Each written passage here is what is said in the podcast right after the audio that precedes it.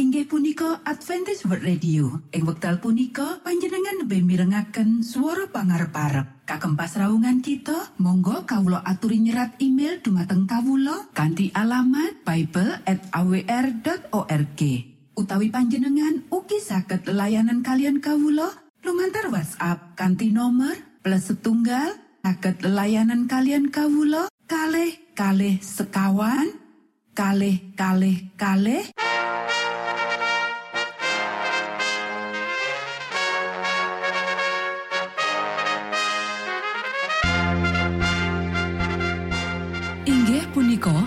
Adventist World Radio ingkang giaran kanti basa Jawi. Tentrem Rahayu Kulo aturaken kagem poro Mitra kinasih ing pundi papan lan panggonan. Sugeng pepanggian malih kalian Adventist World Radio. Kanti bingahing manah Kulo badi sesarengan kalian poro Mitra kinasih lumantar saperangan adicara ingkang sampun rinonci mligi kagem panjenengan sami. Mugi giaran punika saged migunani tuwin dados berkah kagem kita sedaya. Sugeng midhangetaken Gusti amberkahi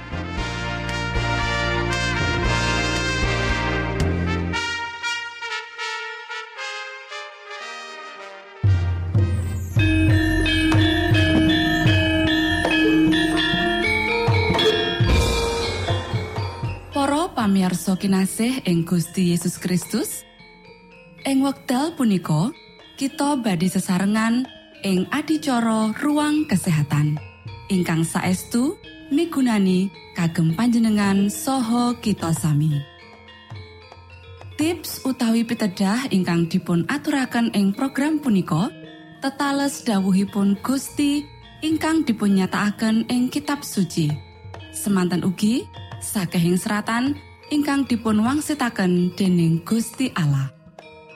Nanging saderengipun monggo kita sami midhangetaken kidung pujian.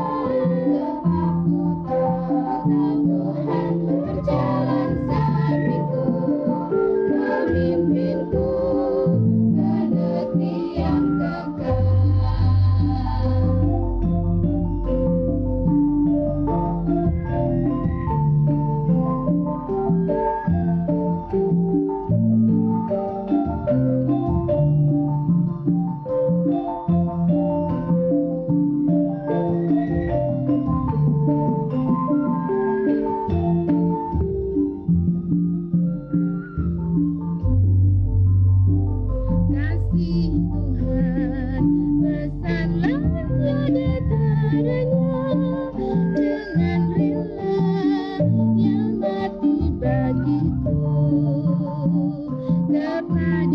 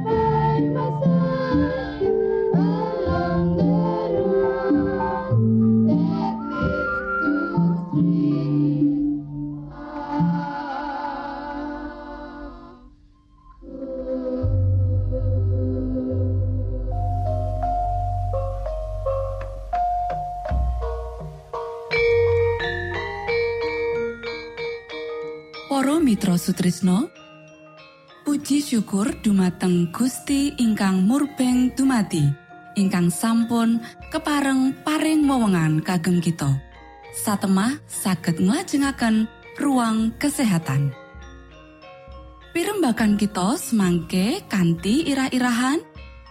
Sodom lan Gomora lan Esau.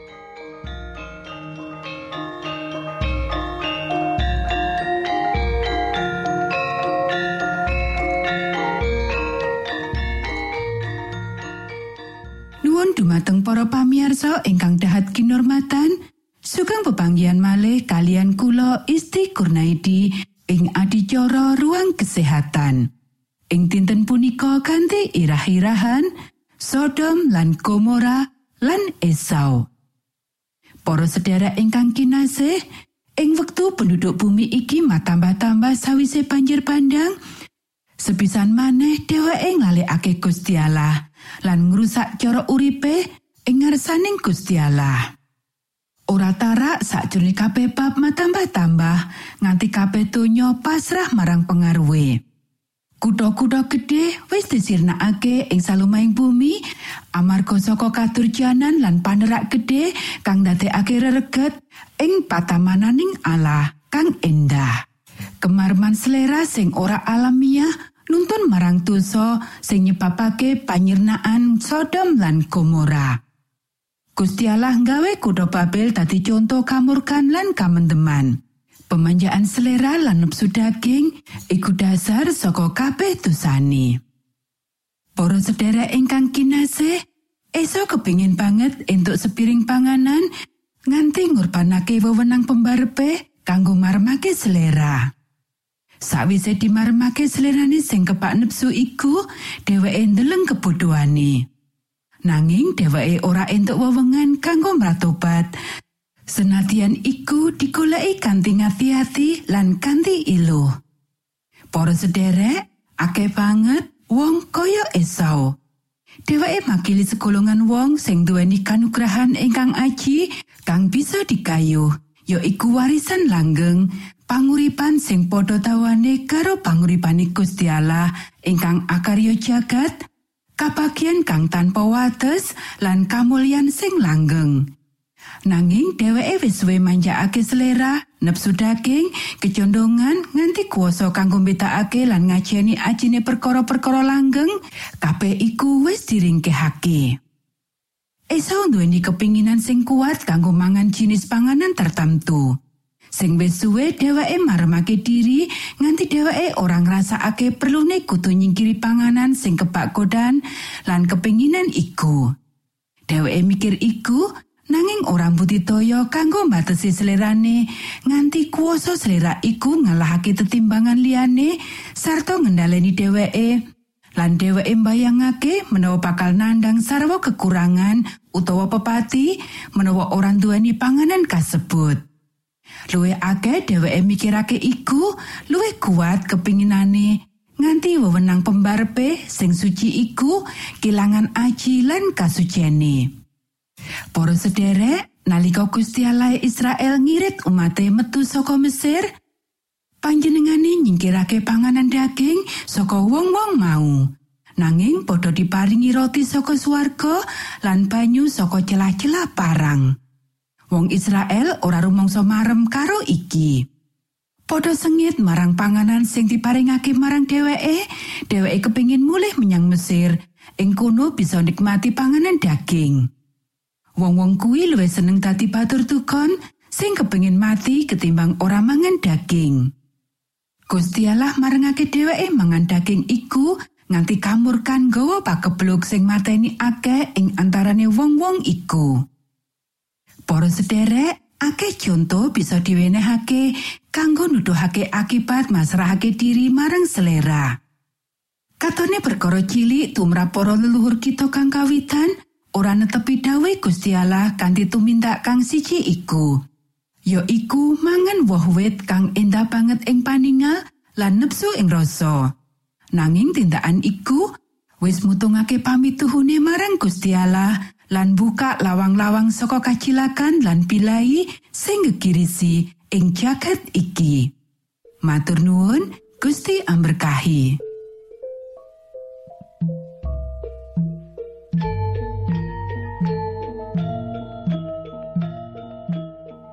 Cekap semanten pimbakan ruang kesehatan ing episode dinten punika. Ugi sampun kuatos jalaran kita badhe pinanggih malih ing episode sak lajengipun.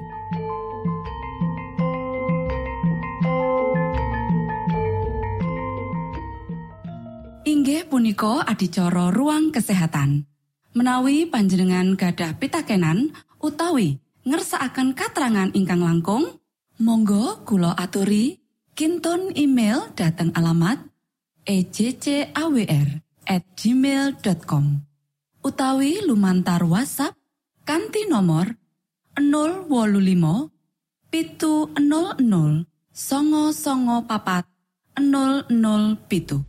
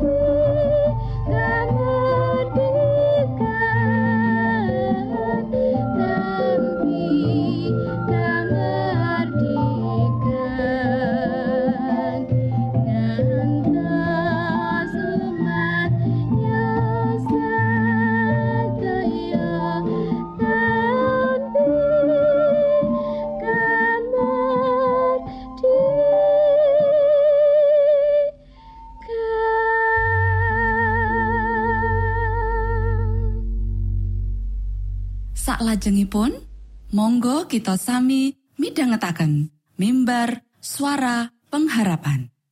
Angkat nafiri kanti pawarto Sang Kristus paderamu Pro umat samyo puji asmanyo Sang Kristus paderamu Inggih punika mimbar suara pengharapan. Ing episode punika kanthi irah-irahan. Gusti Allah iku hakim. Sugeng tondo Sang Kristus paderamu ilmu kawero tambah lan tambah. Sang Kristus paderamu paderamu paderamu Sang Kristus paderamu Shalom para sedherek ingkang kinasih wonten ing Gusti. Sakmenika kita badhe mitangetaken renungan Sabtu pangantikanipun Gusti. Ing dinten punika kanthi irah-irahan Gusti Allah iku hakim Para sederek ayo diwaca kitab Sabur pasal pitung puluh limo Kanggo lurah pasinden miturut lagu Ojo ngrusak Mazmur anggitani Asaf kekidungan Kawula sami ngunjukaken pamuji syukur dumateng Paduka Doh Allah. Kawula sami ngunjukaken pamuji syukur.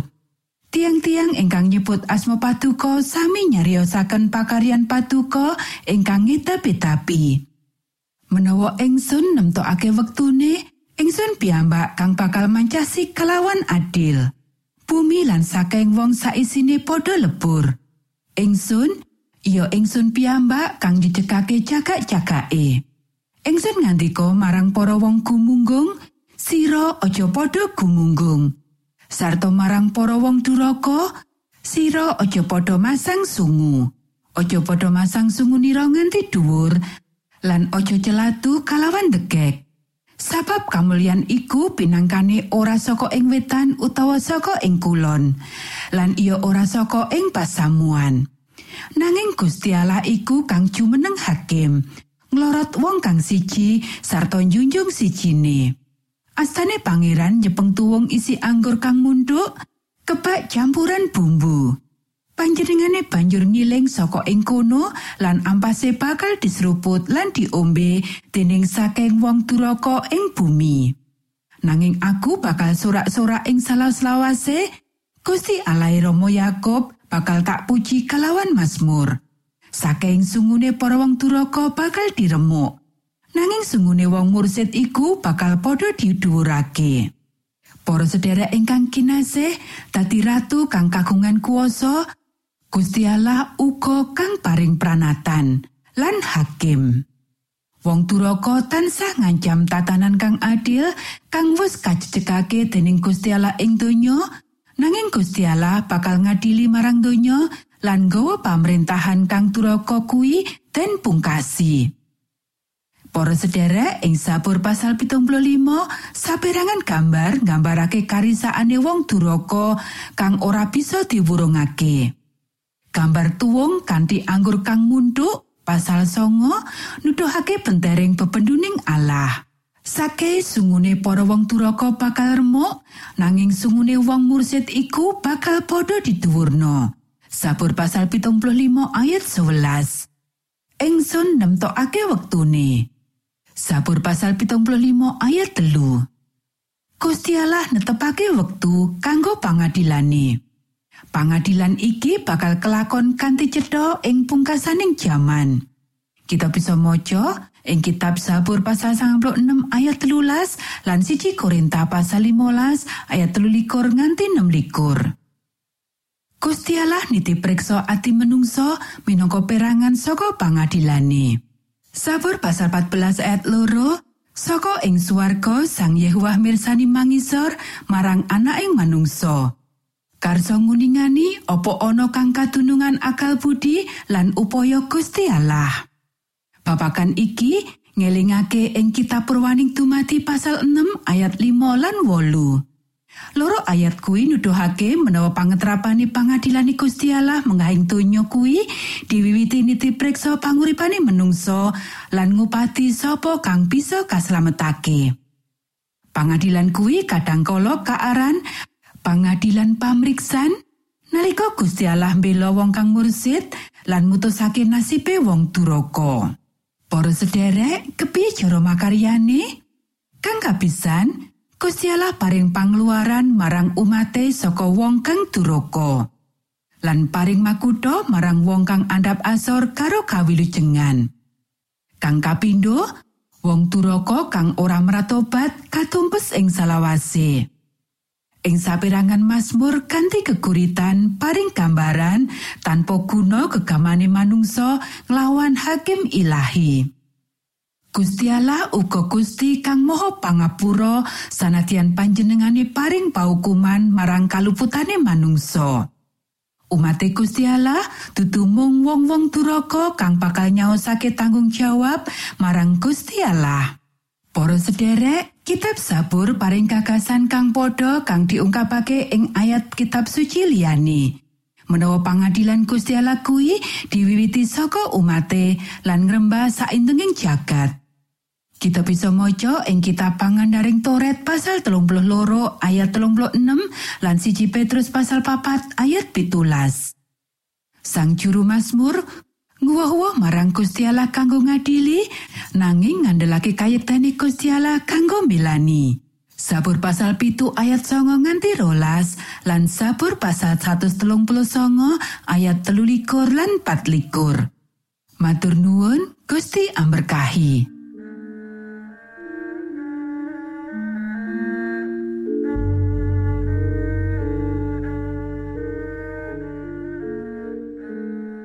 Mitra Sutrisno pamiarsa kinasih ing Gusti Yesus Kristus.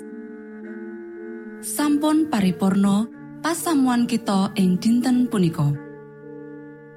Menawi panjenengan gadah pitakenan utawi ngersaakan seri pelajaran Alkitab suara nubuatan Monggo Kulo aturi kinton email dateng alamat ejcawr gmail.com utawi lumantar WhatsApp kanti nomor 025 pitu 00 songo songo papat 00 pitu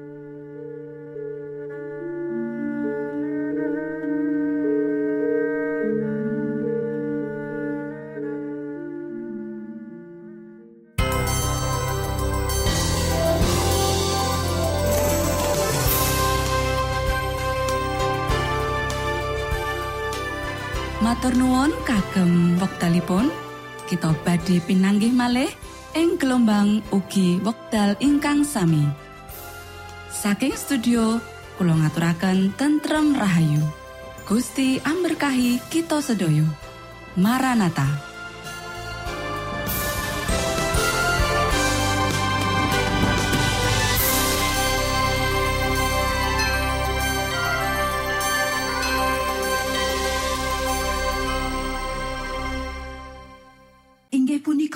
Adventist World Radio. Ing wekdal punika panjenengan lebih mirengaken suara pangarep-arep. Kagem pasraungan kita, monggo kawula aturi nyerat email dumateng kawula kanthi alamat bible@awr.org.